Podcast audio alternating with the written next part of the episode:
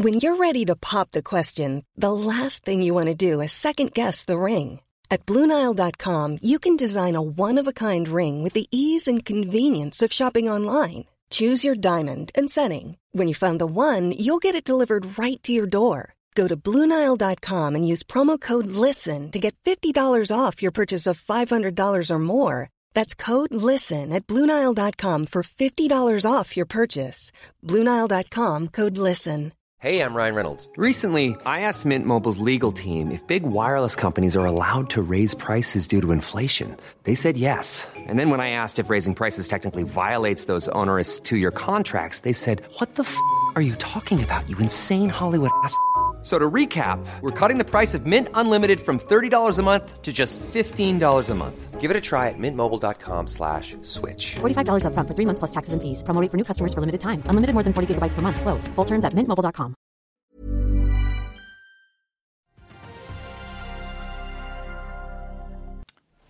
SAS tapte trekvart milliard midt i høysesongen i august. Pundet fortsetter å bli presset, og entreprenørgiganten NCC sender ut resultatvarsel. Det er tirsdag 27.9. Velkommen til Børsmorgen.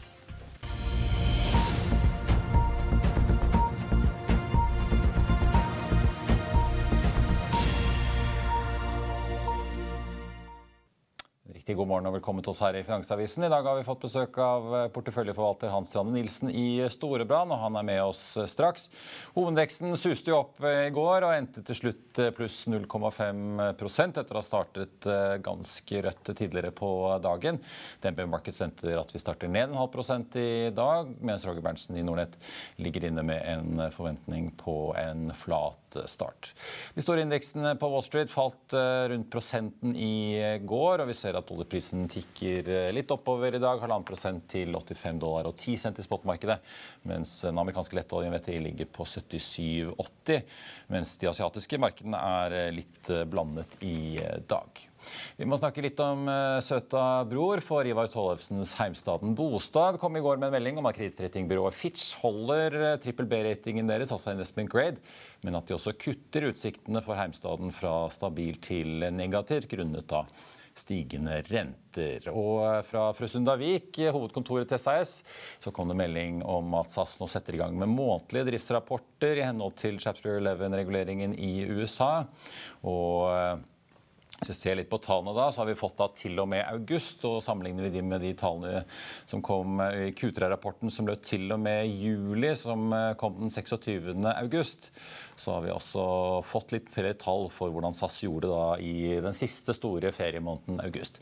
Omsetningen endte på 3,4 milliarder, mens bunnlinjen, resultatet etter skatt altså, endte på da minus 6,6 milliarder i regnskapsåret fra da november til og med august. Det betyr at selskapet tapte nye 760 millioner da bare i august. Kontantbeholdningen var imidlertid ganske stabil, ned litt over 30 millioner til 6,1 milliarder svenske kroner. Et par aksjer det er verdt å ha et øye på i dag, er bl.a. Targovax. De skal ha et investorevent på Sentralen i Oslo som begynner klokken 17, altså etter børsens stengetid. Og så kom Harmony Chain med en melding i går om at de kommer til å delvis permittere enkelte ledende ansatte i løpet av første halvår. Da tenkte jeg skulle ta med Karl Johan, Månes, aksjekommentator. Og Karl Johan, Det skjedde litt på makrofronten her i går. Også sentralbanksjefen i England var ute og hva skal vi si, bruste litt med fjærene og sa at Ja. de er klart å øke renten igjen hvis det trengs. Ja, og det, de markerer sin uavhengighet. Og eh, det er jo klart det her er problemet med å få gjennom disse pakkene som de har eh, tenkt å gjøre. Da. Så det er, eh, det er ganske alvorlig. Og de har jo vært eh, de har jo prøvd å markere sin uavhengighet tidligere også. Det men det viktigste er det som skjer i USA. Da, men Dollaren blir jo sterkere og sterkere og suger opp likviditet. Og, og dollarrenten var jo opp med 20, nye 20 basispunkt. Vi er jo nesten i 4 da, så det har Ja, gått på tiårig stand. Tiåringen, ja. Så har gått fra 3 til 4 på én måned. Det er ganske kraftig utslag. Eh, veldig stort utslag. Ja. Vi, vi, skriver jo det på, på nettene om dollar milkshake theory. Da, om dollaren som er liksom sugerøret ned, som samler opp all likviditeten. og Det vil fortsette å gå eh, oppover helt til noe blir ødelagt.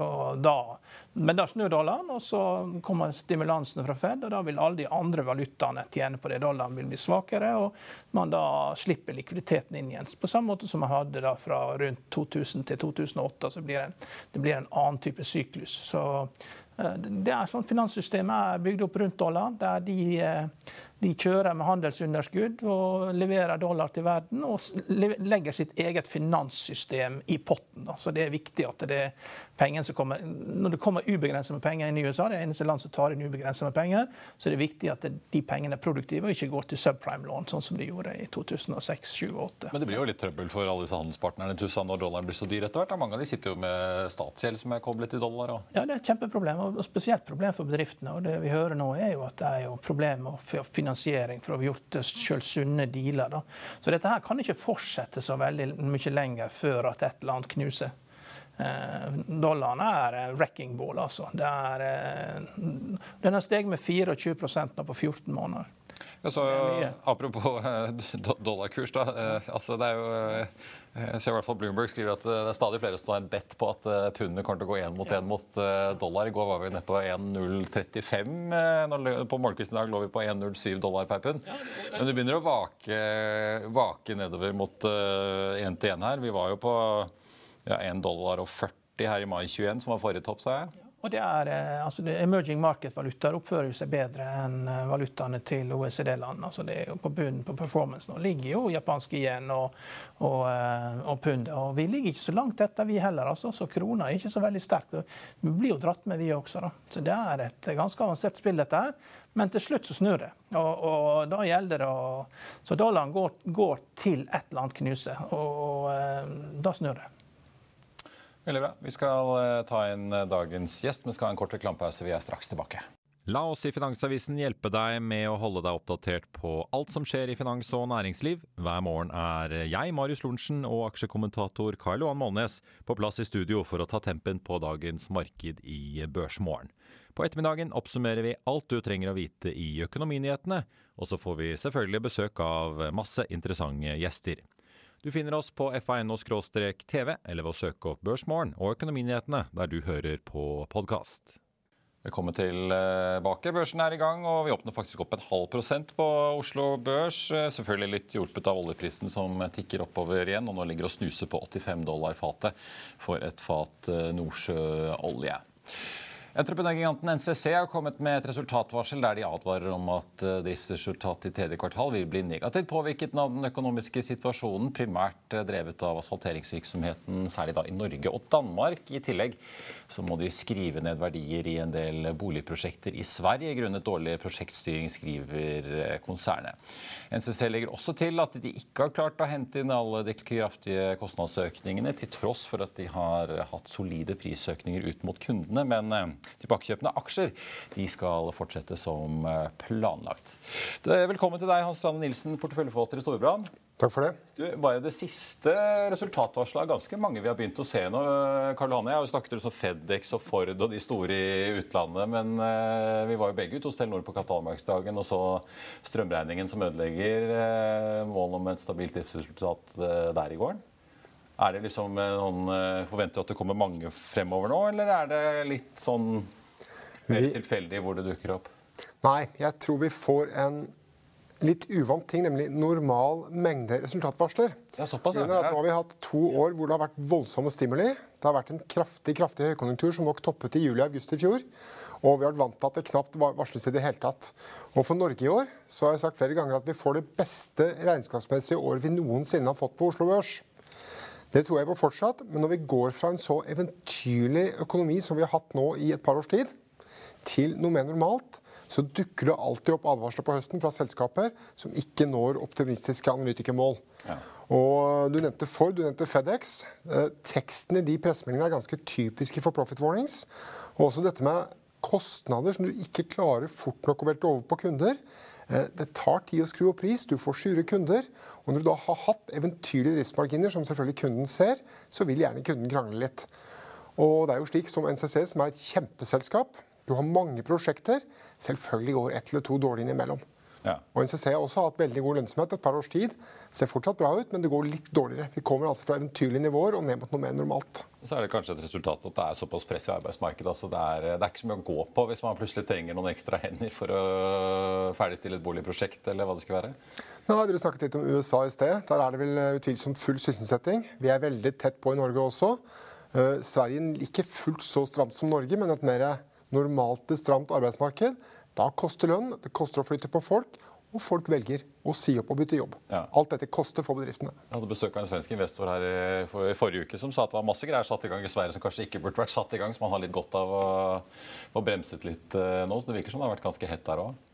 Ja, svenskene har hatt samme som i Norge, med en voldsom lønnsomhet. De setter ikke svensk rekord slik vi setter norsk rekord, men nivåene både i Norge og Sverige har vært veldig høysykliske på lønnsomhet, og vi kommer til et mer normalt nivå. Og Det sier også selskapene til oss, og vi kommer til å få flere sånne meldinger i løpet av høsten. Men fortell oss, Hva er det du bruker mest eh, tid og energi på nå, eh, nå som det skjer såpass mye og det er så store svingninger eh, dag til dag? Hva følger du med på?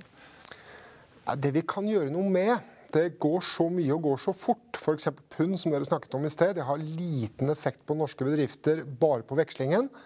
Men vi må jo da lete etter bedrifter som vi ikke er investert tungt i folk som ligger feil i valutaer som går feil vei for dem.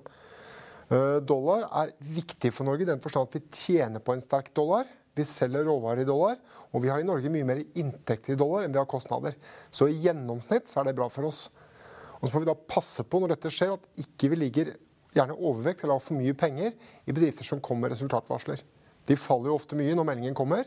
Vi får ikke gjort noe, det er for seint å snu. Ja. Så klarer vi ett år hvor ikke vi eier profit warnings, da har vi vanligvis et kjempeår i porteføljene for kundene våre. Ja, det, ja. Men er det noen spesielle sektorer som du da forventer at det vil komme resultatvarsler mer enn andre, eller er det vanskelig å si?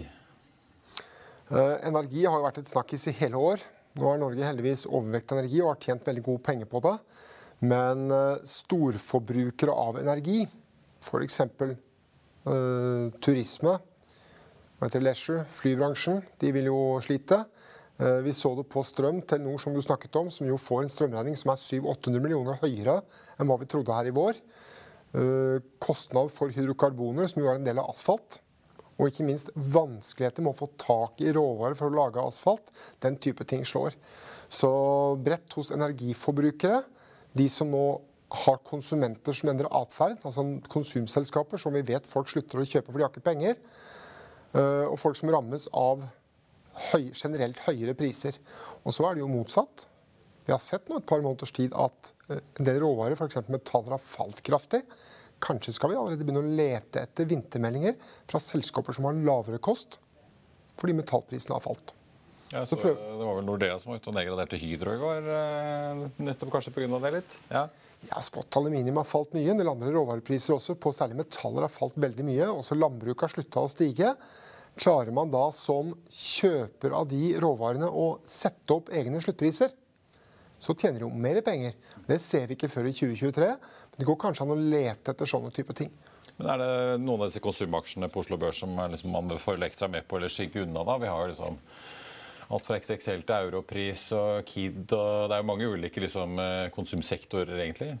Ja, vi har, De vi har likt best i år, har vært Orkla og Europris, spesielt den siste, som vi har hatt mye penger i etter pandemien.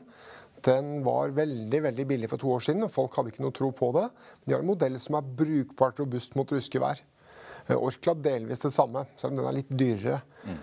Motsatt så har vi jo sett XXL i år, det har sikkert snakket mye om den. Folk har brukt to år på å kjøpe enorme mengder sportsklær og fritidsutstyr. Det trenger de ikke gjøre på marginen da, når alt er nytt og de får litt mindre penger mellom hendene. Den vi har en kjempedebatt på nå på jobb, og er litt usikre på, som dere må ta opp flere ganger, det er Kid. Ja. Er Kid slik at folk ønsker å bruke mer penger på hjemmekos? Nye dynetrekk, nye puter når det er dårlige tider? Eller har de kjøpt så mye nye puter og hammocker at de nå ikke vil kjøpe mer av det i 22 og 23. Ja. Der tror jeg juryen er ute, og jeg er veldig spent på hva de kommer når de kommer med tallet. men det er vel en tre ukers tid. Kommer Cottage helgen, og der var det 25% på hele butikken.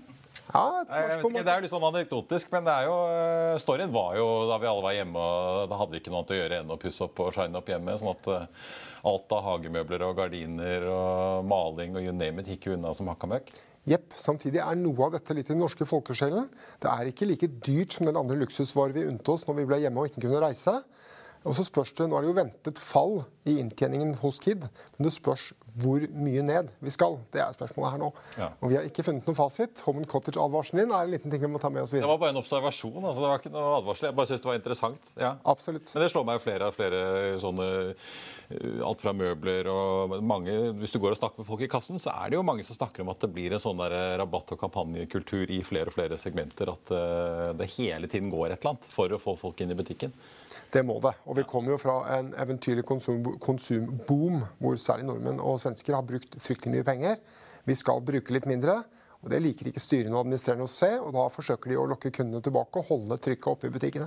Jeg vet ikke om du har vært og kjøpt noe Nei, altså det, jeg, nytt jeg, jeg bruker alltid å spørre når jeg er i butikken. Jeg var i Eurosko nå i helgen, og liksom rett før stengetid. og Da er jo det gjerne er du alene i butikken og kjøper noen ny, nyttevare. og Jeg spurte om butikken går dårlig. Ja, nei, merker ingenting. Og det er klart, Da er du, da er du liksom på nyttevare. da. Det er klart, det trenger vi, mens joggesko trenger vi ikke. Så man kan ikke friskmelde hele skobransjen. men den delen går bra. ikke sant? Så er spørsmålet da, Kid, hva er det de egentlig selger? Er det nyttevarer, eller det, det, går, det går ned på å gå inn og studere liksom joggesko, vanlige sko. Hva er det de egentlig selger? Og om de kan vri sortimentet også, da, slik at de kan eh, komme gjennom dette her. Og det har de sikkert tenkt på. Får håpe det. Ja. Men det, er jo, det interessante er vel egentlig sånn, ja, hvordan blir han- julehandelen og alt når det er så mye renteøkninger for folk og prisene har økt så mye, og hvor mye folk strammer inn? da? Ja, og er Eller om de tar av sparepengene som de sparte opp under pandemien og satt i fond hos dere og andre? eller Man begynner å, ja. Så er det jo også slik at Mange analytikere har sett dette. Og Vi snakker jo om et fall, men ikke hvor stort fallet blir. Nei. Og som du var inne på også i England i sted, hvor vi ser at konsumentene i England bruker ikke kredittkort for å klare å holde ting flytende. I Norge har nordmenn hatt mye penger på bok. Vi har hatt lønnskontoer som har vært svulmende under pandemien. og Det er de pengene nordmenn nå i første omgang kan trekke av. Og jeg tror veldig mange har, Så lenge de ser at de har en månedslønn eller to stående på bankkonto, så er de happy med å ha et brukbart konsumnivå fortsatt. Hva råder dere kundene deres eh, til? da? Har dere noen sånne gode, trygge havner å sette, sette midlene i, eller er det Ja, Oljefondsjefen har vært bekymret for det ble dårlige tider i alt når det er eh, ja, kanskje stigende renter og fallende aksjemarked? Uh, oljefondsjefen hadde et veldig godt poeng. Han sa at 2020-tallet så ble det vanskelig å få til avkastning. Og Da tenker han nok på at ved inngangen til 2020 så var både mange renter i null. Det er vanskelig å få rente når renten er null. Og det andre at en del børser var priset veldig høyt som følge av fiskale stimuli. Og børser er jo slik som, liksom kjøttdeig. Det kan bli veldig dyrt, det kan bli veldig billig. Og dyre børser er vanskelig å skape god avkastning fra. Men det finner da til for kunder, du kan jo lage en bred investeringsportefølje med mange aktive klasser.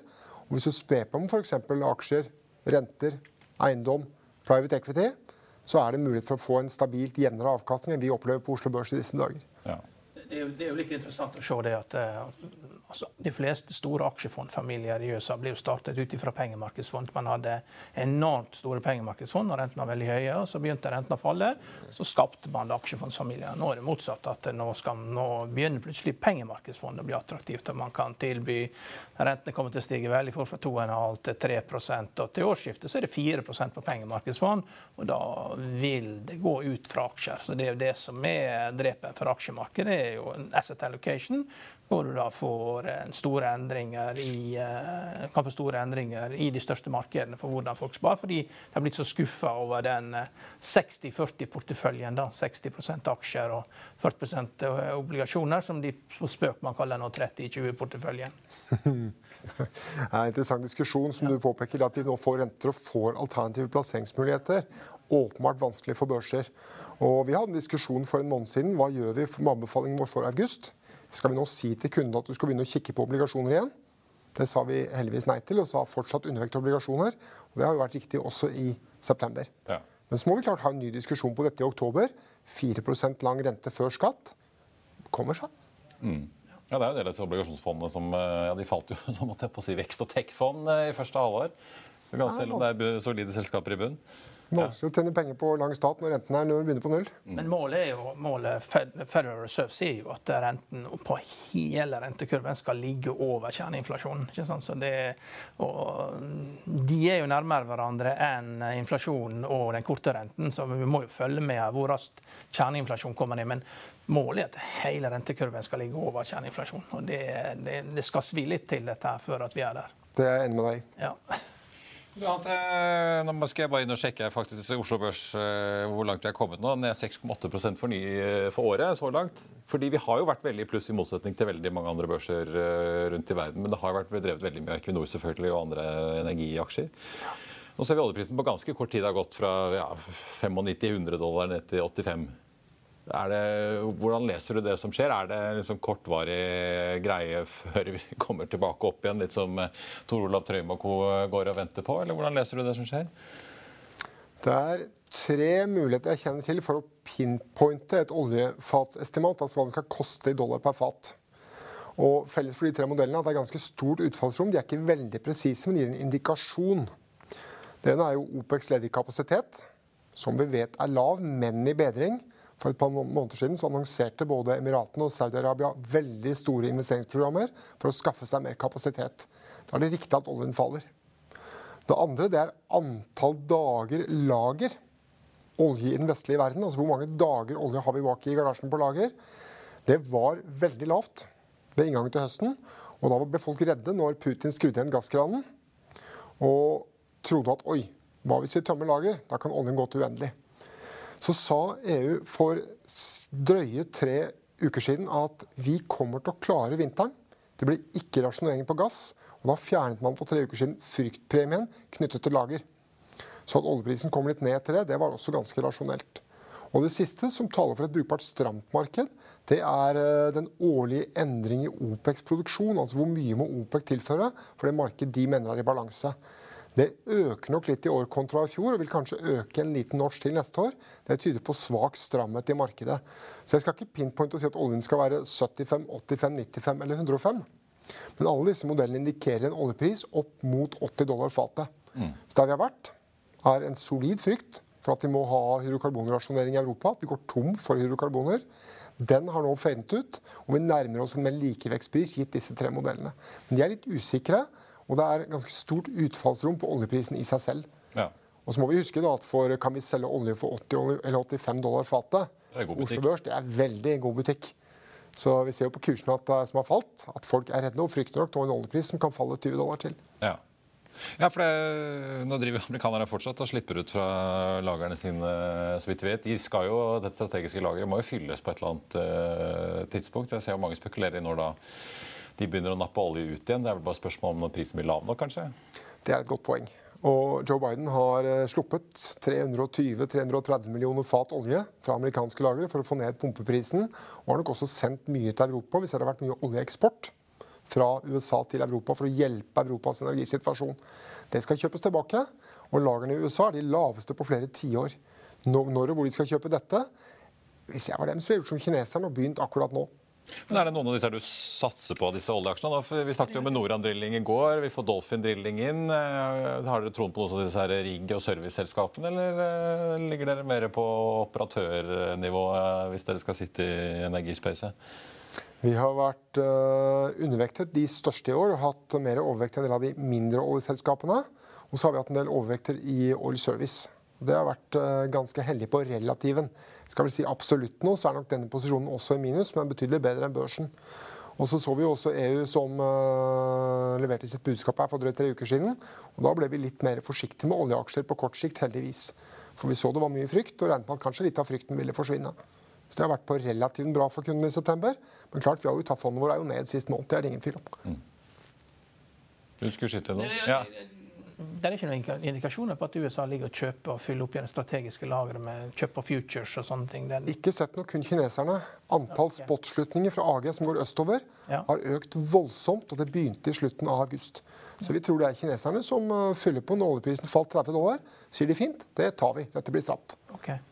Ja, det er vel litt som jeg har også sett rapporter hvert fall, at de har drevet og solgt unna litt sånn spotlaster på LNG når det har vært så mye nedstenging i Kina. Så har de det faktisk vært... seg rundt og videresolgt eh, de LNG-kontraktene de sitter på.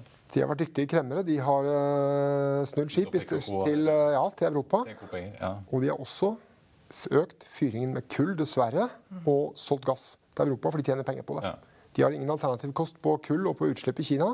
Da selger de gassen hit i stedet og gjør det som er opportunt for dem og økonomisk riktig. Men for miljøet dessverre ikke bra. Ja. Men Er det sånn dere tegner dere i disse her nye rigg-noteringene som kommer, eller? Vi har ikke tegnet i Ring. Vi har derimot tegnet i eh, Cloudberry, et uh, selskap som driver med utvikling av grønn energi i alternativer til hydrokarboner. Og For de kjørte også en emisjon her om dagen? De var med på en emisjon. Og den har vi hatt litt på radaren, for vi syns det var veldig riktig det de gjør. Veldig strategisk fornuftig retning å gjøre, men kanskje litt høyt priset. Nå har den som alt annet kommet ned. Og vi tegnet et betydelig løp i Cloudberry siste emisjon. Og så får vi se en tre-fire om de kan utvikle de konseptene de sier for å skaffe fornybar energi til, til Norge og Sverige.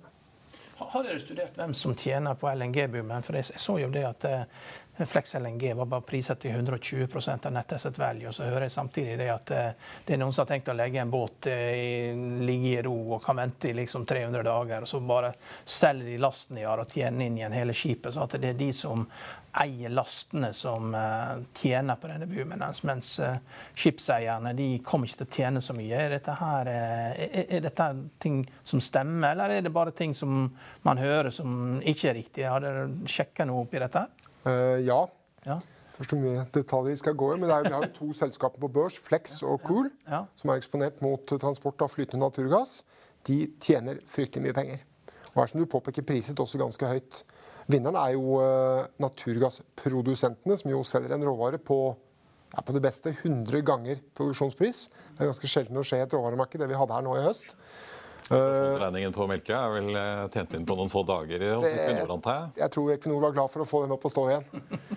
Eh, men hvis du har gammel, et gammelt skip og har fått kjøpt den gassen f.eks. på en rammekontrakt i USA for eksport til Asia Det fins en del sånne eh, volumkontrakter på minimums maksimums volum som skal til Asia på en fast pris. Hvis den går på en gammel båt som er godt nedskrevet, da kan rederne som har den, f.eks. av de tre store japanske handelshusene, Mackay, Mol eller K-Line, de kan jo snu den og selge den spot i Europa hvis de får plass i en havn i Europa. Så der har det vært gjort noen ganske hyggelig arbitrasje for de som har sånne gamle båter. Jeg så et sånt kart, sånn Marine Traffic-kart. Det var enormt med LNG-skip som var på vei til Europa. Det var veldig overraskende. Jeg visste ikke det var så mange terminaler. Og det er jo, det er jo sånne caverns nede i Spania Portugal for lagring. Så det er jo Eh, går det an å frakte det med rør derfra, eller det, blir det lokalt forbruk der nede? Det er skranten. Ja, Foreløpig lokalt. Euro Europas infrastruktur er veldig god øst-vest. Ja. Frankrike, Tyskland, Polen, Ukraina, Russland. Ja. Uh, er, de har importkapasitet. Ja. Italia og Spania har mye importkapasitet for dette her, men ikke så mye distribusjonskapasitet over Pyreneene og over Alpene. Da må det tas på små ja. tankvogner, og tar, eh, de tar litt for lite. Ja, og Nå bygges jo LNG-terminalen i Wilhelmshaven i Tyskland for å ta imot, skal vel ta imot nå i november-desember, første last. Og Tyskland leier inn FSRU-er, som skal kunne altså flytende enheter, fabrikkenheter, som tar imot denne gassen. Ja, dette har vi jo skrevet om. Ja. Det, det, er jo ikke vits i at de ligger i emerging markets. For, fordi årsaken til at man tok det inn, var jo for at gass var billigere enn olje. Og nå er det ikke det lenger, så da kan man jo leie de tilbake igjen til eh, der man trenger de mest. Enig. Ja. ja. Du Hans, tusen takk for besøket. Vi får følge med på både Kid og LNG-rederi og alt mulig rart. Takk for besøket. Takk skal du ha. Eh, hovedindeksen på Oslo Børs opp en halv prosent nå til 1123 poeng, med en oljepris som nå har bikket over 2% pluss, på 85,73. Så ganske bra trøkk der, altså. Vet de amerikansk oljepris ligger nå på 78 30. Snakket jo om eh, Kid i dag. Den ligger ned en halv eh, prosent. Ser vi på listen over de mest omsatte aksjene ellers, så ligger Equinor opp 0,8. Movi og Aker BP også rundt 07-08 opp. Skipsted ned 0,6 en stund siden har sett Skipsted så eh, høyt opp, mens Norsk Hydro opp 1,6 da, dagen etter at de ble nedgradert av Nordea. Så tenkte jeg vi også kan kjapt ta en titt på XXL, som jo hadde et voldsomt fall her i går. Den faller ned nye halvannen prosent da i eh, dag. Store vinneren foreløpig, Afi, dette tekstanalyseselskapet. Og Instabank liker oss, de er opp 21% faktisk. Instabank opp 13% Store taperen så langt i dag, COA7, spin-offen fra Subsea7, ned 7,7% Rundt oss i Europa er det grønt eh, jevnt over hele fjølen, egentlig. DAX-indeksen i Tyskland opp 1,3, UK 100 opp 0,8. CAC 40 Paris opp 1,1 og rundt oss i eh, Skandinavia også ganske gode tall med Stockholm og eh, Helsinki opp begge 1% København opp en halv prosent. Det var Børsmorgen for denne tirsdag 27.9. Husk å få med deg økonominyhetene klokken 14.30. Da får vi med oss analysedirektør Kristoffer Eide Hoen i Veidekke, som er ute med en ny konjunkturrapport. I mellomtiden så får du siste nytt på FA.no gjennom hele dagen. Vi ønsker deg en riktig god dag videre.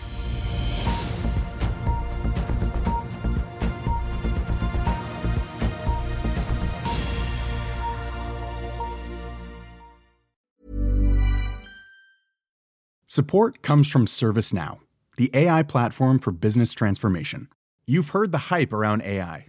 The truth is, AI is only as powerful as the platform it's built into. ServiceNow is the platform that puts AI to work for people across your business, removing friction and frustration for your employees, supercharging productivity for your developers, providing intelligent tools for your service agents to make customers happier. All built into a single platform you can use right now. That's why the world works with ServiceNow.